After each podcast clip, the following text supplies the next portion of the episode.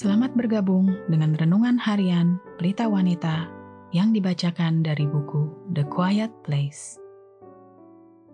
Pembacaan Alkitab hari ini diambil dari Roma 12 ayat 9 sampai dengan 21. Hendaklah kasih itu jangan pura-pura. Jauhilah yang jahat dan lakukanlah yang baik. Hendaklah kamu saling mengasihi sebagai saudara dan saling mendahului dalam memberi hormat. Janganlah hendaknya kerajinanmu kendor. Biarlah rohmu menyala-nyala dan layanilah Tuhan. Bersukacitalah dalam pengharapan.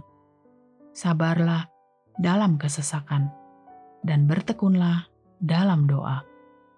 Bantulah dalam kekurangan orang-orang kudus dan usahakanlah dirimu untuk selalu memberikan tumpangan Berkatilah siapa yang menganiaya kamu. Berkatilah dan jangan mengutuk. Bersukacitalah dengan orang yang bersukacita, dan menangislah dengan orang yang menangis.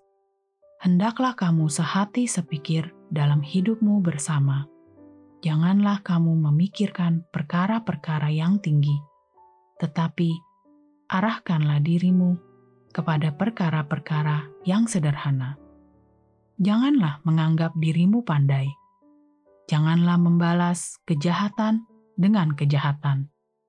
Lakukanlah apa yang baik bagi semua orang, sedapat-dapatnya. Kalau hal itu bergantung padamu, hiduplah dalam perdamaian dengan semua orang. Saudara-saudaraku yang kekasih, janganlah kamu sendiri menuntut pembalasan, tetapi berilah tempat kepada murka Allah, sebab ada tertulis, "Pembalasan itu adalah hakku, akulah yang akan menuntut pembalasan." Firman Tuhan. Tetapi jika seterumu lapar, berilah dia makan. Jika ia haus, berilah dia minum dengan berbuat demikian, kamu menumpukan bara api di atas kepalanya. Janganlah kamu kalah terhadap kejahatan, tetapi kalahkanlah kejahatan dengan kebaikan. Ayat kunci hari ini adalah dari Roma 12 ayat 10. Hendaklah kamu saling mengasihi sebagai saudara dan saling mendahului dalam memberi hormat.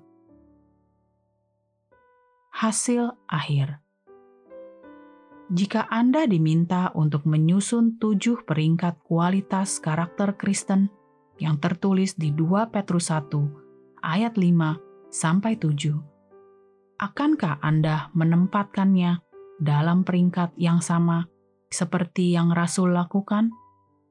Dengan sungguh-sungguh berusaha untuk menambahkan kepada imanmu kebajikan, dan kepada kebajikan pengetahuan, dan kepada pengetahuan penguasaan diri, dan pada penguasaan diri ketekunan, dan kepada ketekunan kesalehan, dan kepada kesalehan kasih akan saudara-saudara, dan kepada kasih akan saudara-saudara kasih akan semua orang apakah Anda akan menjalani urutan yang sama? Apakah ini sesuai dengan tujuan Anda dalam mengembangkan sifat-sifat ini dalam hidup Anda? Satu di atas yang lainnya. Saya menanyakan hal yang sama pada diri sendiri dan berpikir, apakah saya berkeinginan untuk menambahkan kesalehan pada akhir daftar tersebut? Mewakili tujuan akhir kita menjalani iman Kristen. Namun, di satu sisi, kesalehan tidak berhenti di situ saja. Jikalau iya, kita bisa berpikir untuk tinggal di sebuah gua dan menjadi rohani sampai sisa hidup kita.